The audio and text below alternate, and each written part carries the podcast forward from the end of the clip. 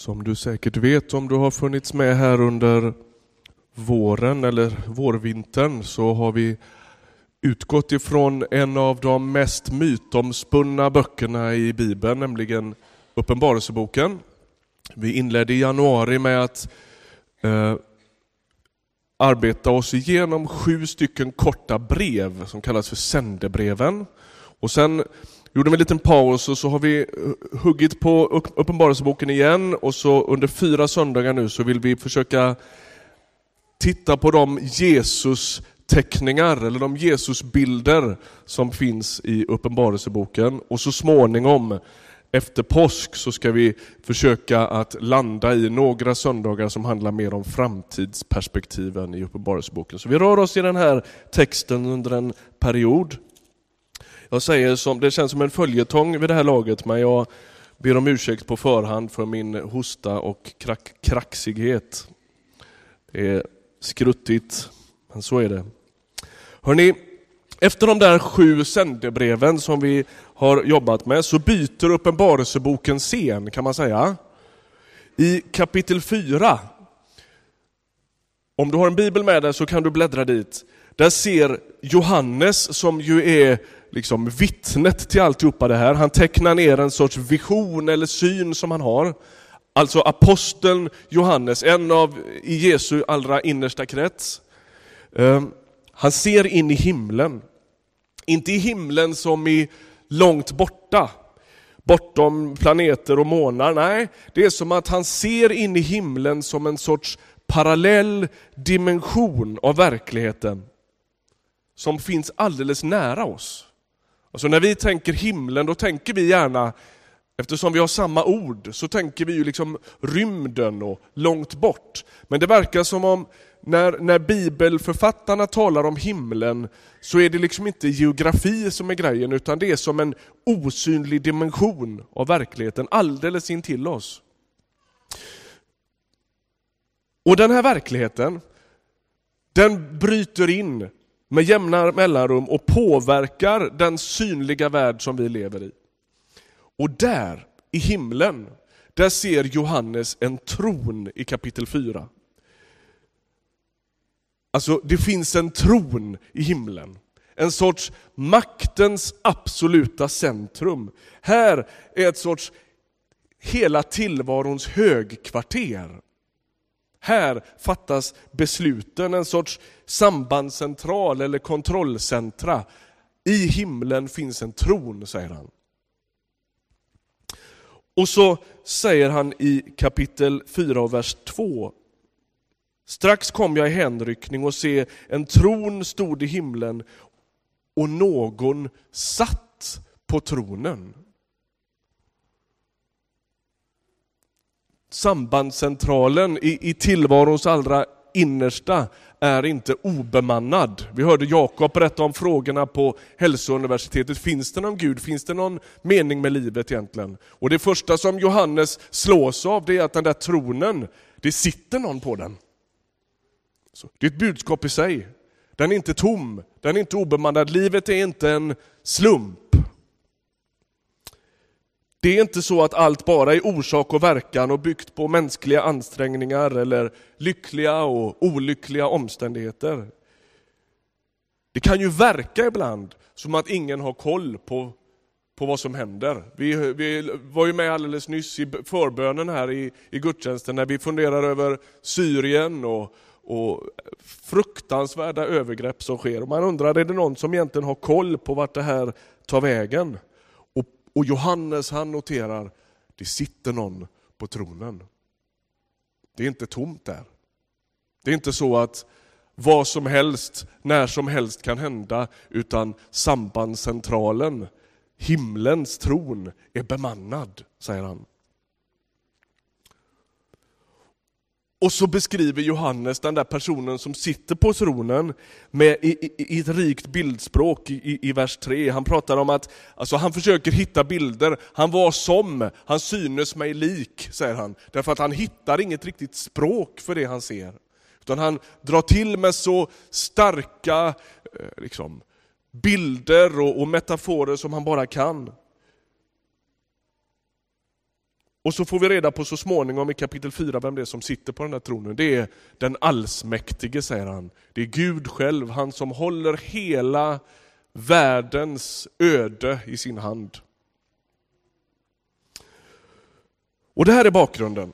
Det här har vi med oss in nu då. Va? Eh, lite summariskt så kan vi konstatera att det han ser, han ser en massa saker i kapitel 4 som vi inte liksom dyker i just idag, för det är inte dagens ämne. Men han ser någon som sitter på den där tronen och den här personen, eller den här gestalten, får vi, får vi klart för oss så småningom, det är Gud själv som är allsmäktig. Och så landar liksom kapitel 4.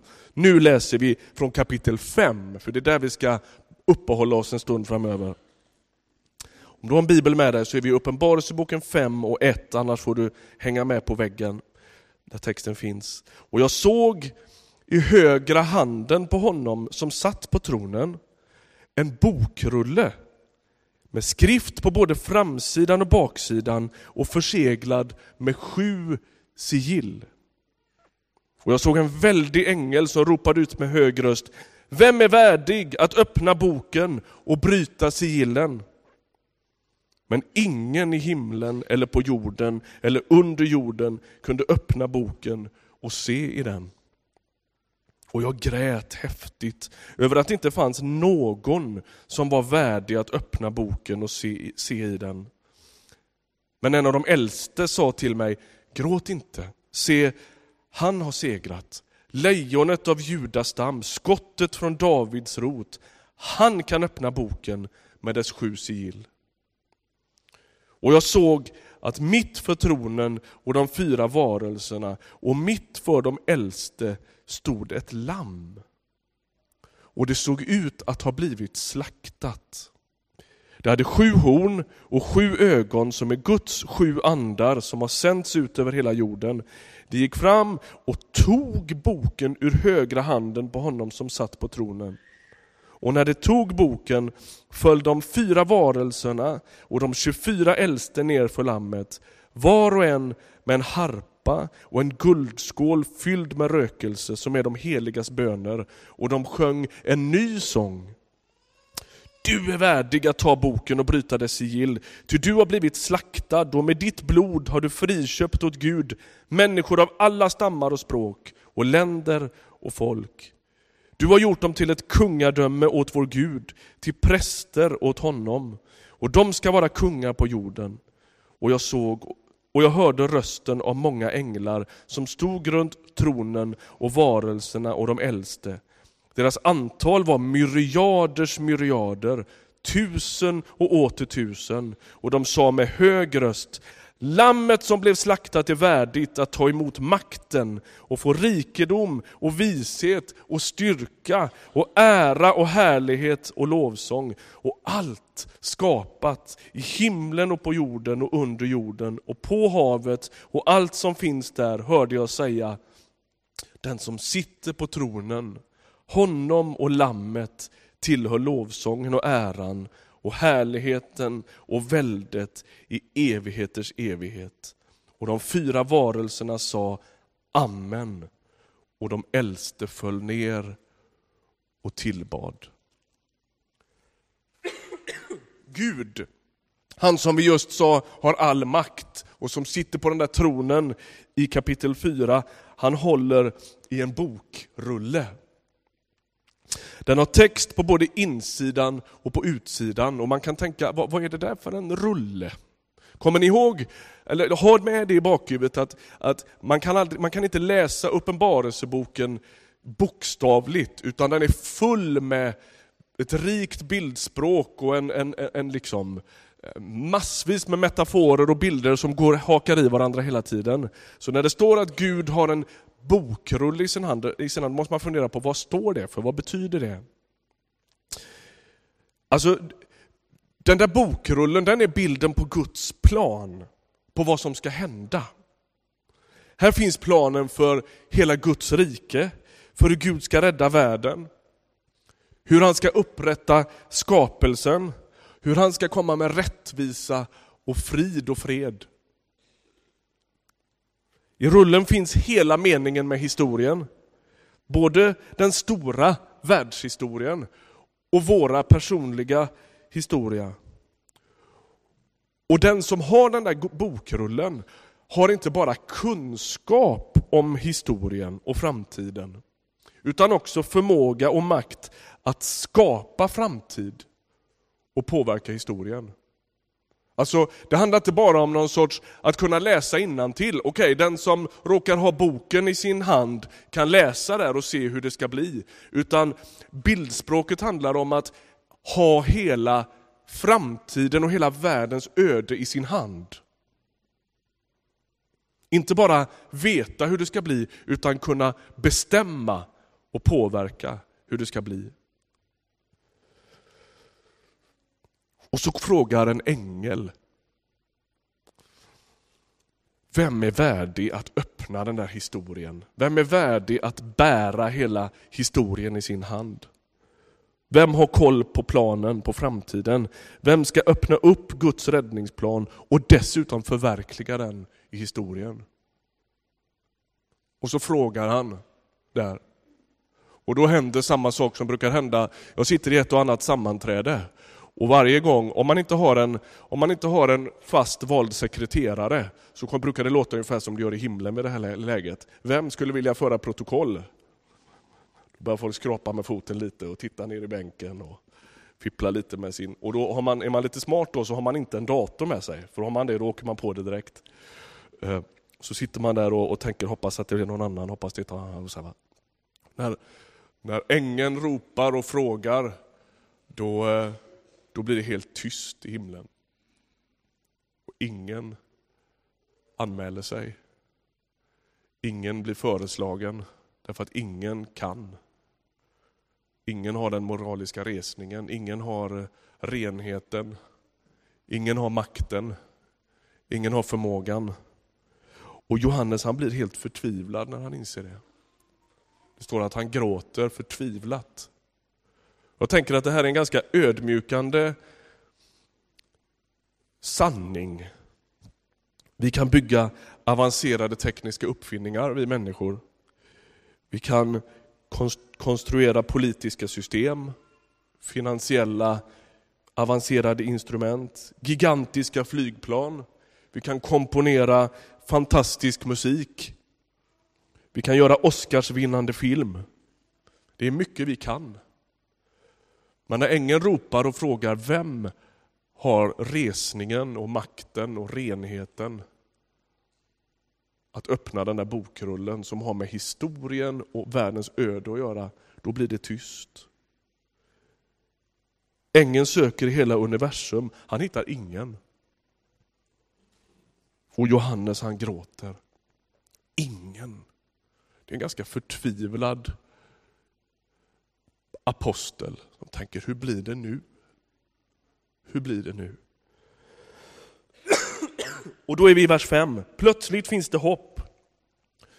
Han får reda på av någon som liksom kliver fram där, som kallas för den äldste, och som säger, men gråt inte. Det finns ett lejon som har vad som krävs. Ett lejon som har vunnit. Han inte bara kan, utan han får öppna den där bokrullen. Och de här orden som finns där, det står han har segrat, lejonet av Judas stam, skottet från Davids rot i vers 5.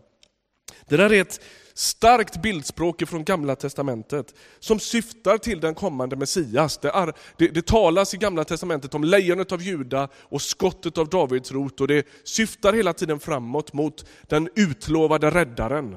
Så. Båda de här bilderna, de är ju starkt militaristiska och starkt nationalistiska. Alltså, de har med Israel som nation att göra. Och lejonet, eller skottet, ska komma och besegra alla nationer och utplåna Israels fiender. Det är liksom den, den associa, de associationsbanor man har med sig tillbaka. Va? Alltså, Okej, okay, ett lejon, ett skott av Davids rot, då vet Johannes i bakhuvudet, det där känner jag igen. Det där känner jag igen. Det är starka bilder av makt och dominans. Och de är krigiska de där bilderna. Okej, lejonet kommer nu. Då kommer det ordna sig. Och så torkar Johannes tårarna.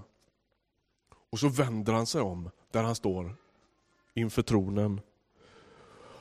Och så, och så sker nästan en chockerande scenförändring. Johannes, han letar, okej, okay, var är det rytande lejonet? Var är det rytande lejonet? Med nationalistiska, krigiska förtecken. Och så vänder han sig om och så får han se ett söndertrasat, slaktat lamm. Det här är en mycket, mycket märklig scenförändring. När, när, när, när han ser det där lammet, då, då går hans tankar omedelbart, och våra med om du är en van bibelläsare, till Gamla Testamentet, till Andra Mosebok. Ni vet när Israels folk ska lämna Egypten. Då slaktar man ett lamm, man stryker blodet på dörrposten, de som hör till Israels folk. Och Det där blir ett sorts tecken tecken för att man tillhör de räddade. Och Döden drabbar allt förstfött, men israeliterna räddas på grund av blodet som finns på dörrposterna. Den där bilden, precis som lejonet och skottet av, av Davids rot, de, de bilderna är, den bilden är också liksom etsad i bakhuvudet på något sätt och i hela hans sätt att förstå Guds tanke och plan. Och så ser han ett lamm. Det är ett märkligt lamm. Återigen så är det väldigt märkliga bilder. Va? Det är fullt av horn och ögon på det där lammet. Man undrar hur det ser ut egentligen. Men det är självklart också ett bildspråk. Va? Och bilderna de handlar om att det här lammet, hur sårat och sargat och utsatt det än kan verka, hur maktlöst det än kan verka, så är det, alltså det här är en, en otroligt motsägelsefull bild. Det är ett slaktat lamm som samtidigt har sju horn. Vilket, vilket är ett språk i Uppenbarelseboken för att det där lammet har all makt och sju ögon, all vishet. Vem är det som är föremål för det där offret? Om det nu är så att det här är ett lamm som är slaktat, då vet Johannes utifrån gamla testamentet och alltihopa det här, att, att det där lammet, det är slaktat för någon annans skull. Kommer ni ihåg vad vi sa alldeles nyss? Att bilderna av det rytande lejonet och av skottet av Davids rot, det är bilder som har med Israel som nation att göra. Nationalistiska, krigiska bilder. Vem är föremål för det här offret? Vers 9. Du har blivit slaktad och med ditt blod har du friköpt åt Gud människor av alla stammar och språk och länder och folk. Och så är det som att bilderna smälter samman. Är du med nu? Jesus är verkligen den utlovade Messias. Han har verkligen kommit med räddning, precis som Gamla Testamentet lovar. Men det är som att det inte sker riktigt på det sätt som man skulle kunna tro. Utan när Jesus kommer så sker offret genom ett utgivande, ett offer, en självutplånande kärlek som gäller, hörde du vad vi läste? Människor i alla länder, från alla folk, alla språk, i alla lägen. Alltså, det är som att han spränger den här snäva nationalistiska idén om att, om att lejonet av Juda kommer med någon sorts politisk lösning. Det går mycket, mycket djupare än så. Det omfattar varenda människa som någonsin har levt. Och så säger han att det där offrade lammet som står där söndertrasat och, och i någon mening, alltså en sån, en sån otroligt tydlig bild på svaghet. Det är både och. Han är både ett lejon och ett lamm. Regenten, den mäktigaste i hela tillvaron, är också den som ger upp andan för hela mänsklighetens skull. Vilken otroligt häpnadsväckande bild. va? Här står Johannes och så vänder liksom hela världens öde från att ha varit helt hopplöst, men det finns ingen i himlen eller på jorden, det finns ingen i hela universum som kan bära världens öde. Och så får han se den minst sannolika av alla. Ett slaktat, utblottat, ut, ett, ett, ett, ett lamm som har gett hela sig själv. Så han, där vilar världens öde. Där vilar världens framtid. Där finns världens hopp. Och då är frågan, vad betyder det här för oss? Vad ska vi göra med det?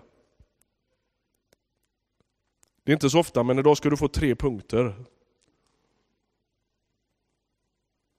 Någon gång ibland så, kommer, så, så glimmar det till och blir det trepunkters predikan. Kort här i min avslutning. Tre stycken saker som jag tycker att jag läser i texterna om lammet, för det finns fler. Om du går hem och läser texterna om lammet i, i Uppenbarelseboken så är det fantastiska texter. Du ska få några stycken till med dig. Det första som jag tycker att jag uppfattar i de här texterna det är, lita på Jesus. Lita på Jesus. Han har framtiden i sina händer, han formar den. Han, det, det är ganska slå, alltså lammet som står där. Alla har fallit ner i vördnad inför, inför tronen och inför honom som sitter på den som det stod i kapitel 4. Va? Men det här trasiga lammet bara går rakt fram och tar den där bokrullen. Ingen protesterar, inga änglar och ärkeänglar och Gud fader själv protesterar inte heller, utan han bara går fram och tar den. Och så har han världens öde i sin hand. Uppenbarelseboken beskriver Jesus som ett slaktat lamm och det är ju som vi sa en bild på svaghet. Och Så småningom i Uppenbarelseboken, i kapitel 13, så träder ett odjur fram vi ska inte liksom stanna så mycket vid det nu, men det, det är slående att det svaga utblottade lammet i kapitel 5 ställs mot kapitel 13s odjur som verkar ha en oändlig styrka. Vi var inne på det här innan, alltså föreläsningarna på, på universitetet, på hälsouniversitetet, eller vår förbönstund här. Vi vet inte vad, vad tar det vägen med ondskan? Tar, det verkar som att odjuret bara vinner mark. Och det är, ett av, det är ett av, en av poängerna i Uppenbarelseboken, att saker är inte vad det ser ut att vara. Det ser ut som om Gud har tappat kollen. Det ser ut som om odjuret är oändligt mycket starkare än det utblottade lammet. Men grejen är att man ska inte låta sig luras, därför att så småningom i den här texten, i den här berättelsen, så kommer det svaga lammet, utblottade lammet, att besegra det överväldigande odjuret. Du kan vara alldeles trygg med att sätta allt ditt, din tillit till Jesus. Han bär hela världens öde i sin hand och också ditt. Även om det inte ser ut så. Även om det inte känns så. Även om fakta som du liksom har på bordet talar för motsatsen. Det är, det som, det är, ett, av, det är ett av budskapen rakt in i din smärta. Precis som för en lidande kyrka som tog emot det här första gången. Det ser ut som om odjuret vinner, men så är det inte. Så är det inte. Så här står det i kapitel 7. Ty lammet som står mitt för tronen ska vara deras herde och leda dem fram till livets vattenkällor. Och Gud ska torka alla tårar från deras ögon. Smaka lite på det. Du som tycker att livet är så överväldigande smärtsamt. Han ska inte skicka en ängel och torka dina tårar, han ska göra det själv. Han ska göra det själv. Och vill skicka med dig, det är du som sitter här och tänker, jag vet inte om jag orkar tro mer. Eller du kanske dyker upp här i Ryttargårdskyrkan och, och aldrig har formulerat en egen tro och tänker, det där det går inte ihop. Det går inte ihop.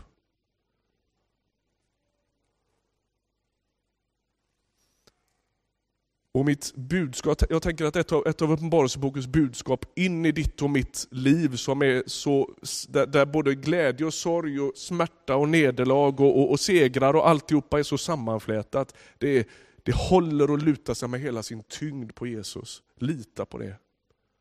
Han har inte tappat kollen. Det andra jag tycker att jag ser, det är den som man kan lita på kan man också lyda. Lyd Jesus.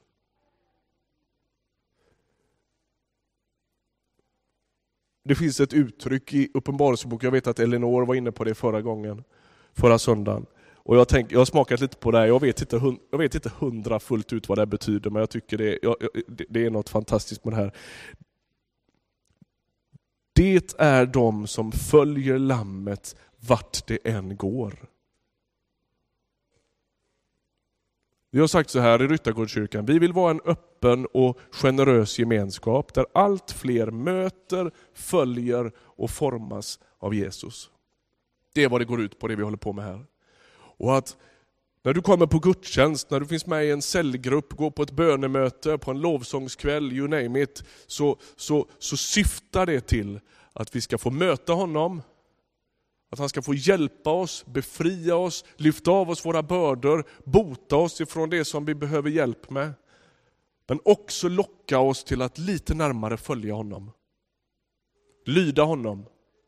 Låta hans liv, hans undervisning, hans exempel få vara liksom koda och, och vittra igenom hela våra liv. Följa lammet vart det än går. Det är vad det går ut på. Och det tredje, den spontana reaktionen och responsen i himlen när lammet kommer fram och tar denna bokrullen, det är att de faller ner i tillbedjan. Så det första var lita på Jesus, lyd Jesus, så blir det tredje lovsjung Jesus. När vi tecknar de här bilderna av Jesus i Uppenbarelseboken så är det nog, jag tänker att vi behöver hjälp med detta. Att liksom förlora oss i honom och förstå att han är den han säger sig vara. Få en liten glimt av vem han är. Du kan ha åsikter om hur vi gör det i den här kyrkan, hur vi tillber, hur vi lovsjunger, hur vi tackar. Eh, det finns massvis med tycken och smak om man ska ha de eller de instrumenten och den eller den sångstilen och engelska och svenska och hit och dit och fram och tillbaka. Och jag kan känna mig så, det står mig upp i halsen alla dessa tycke och smakdiskussioner. Låt oss tacka Gud av hela hjärtat alldeles oavsett under vilka former det sker.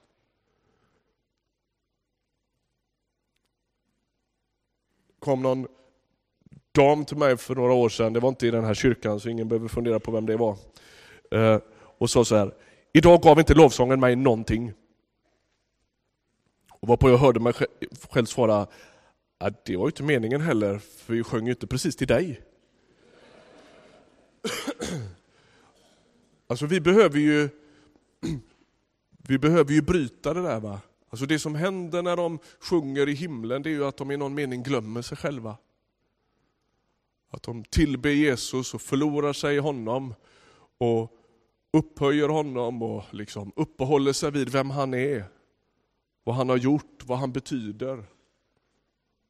Och inte så mycket vid sig själva och sitt tycke och smak. Och, ja, men det skulle allt varit lite elgitarr eller orgel eller pip, eh, jag vet inte vad det heter.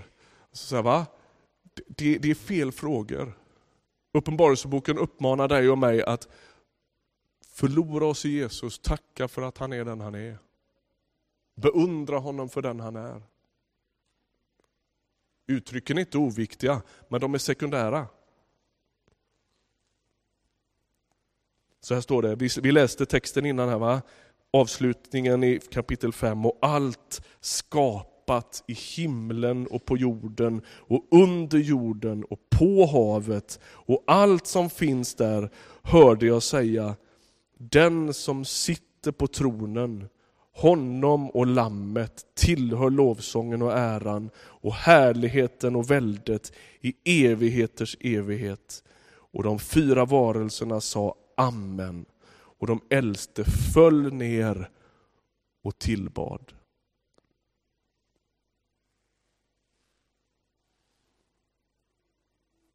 När bilden träder fram i Uppenbarelseboken av Jesus som lammet så lockade oss till att lita på honom, lyda honom och lovsjunga honom. Amen. Ska vi be en bön? Herre, vi tackar dig för att du är här.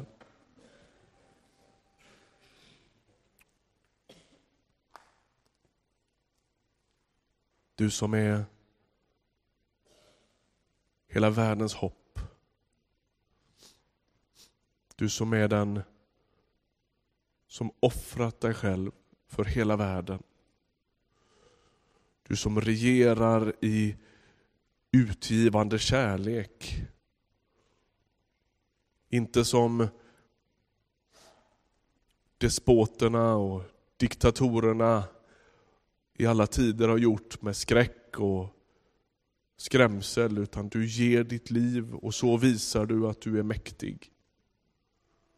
Det är så bakvänt, det är så annorlunda så vi vet inte riktigt hur vi ska förhålla oss till det. Men Herre, vi ber att få falla ner för dig och, och säga tack för att du är den du är. Du är helig, du är ren, du är väldig och majestätisk. Och Samtidigt så är du den sårade guden. Som vet hur vi har det, som känner med våran smärta, som delar våran sorg. Som hjälper oss att bära våran oro. Herre, tack för att du är smärtornas man, den sårade guden. Vi tillber dig, kungars kung. Hela tillvarons Herre och Mästare.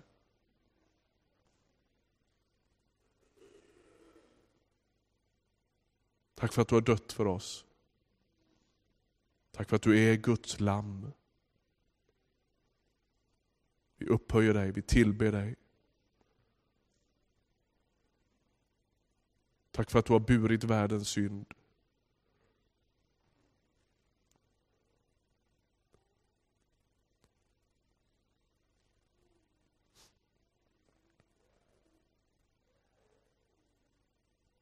Kungars kung. Helige Gud, evige fader, fridsfursten. Du är, du är den enda som på djupet kan mätta oss, som kan möta vår längtan. Vi kommer till dig och vi ger dig våra hjärtan, vi tillber dig, vi upphöjer dig för att du är så fantastisk i härlighet och helighet.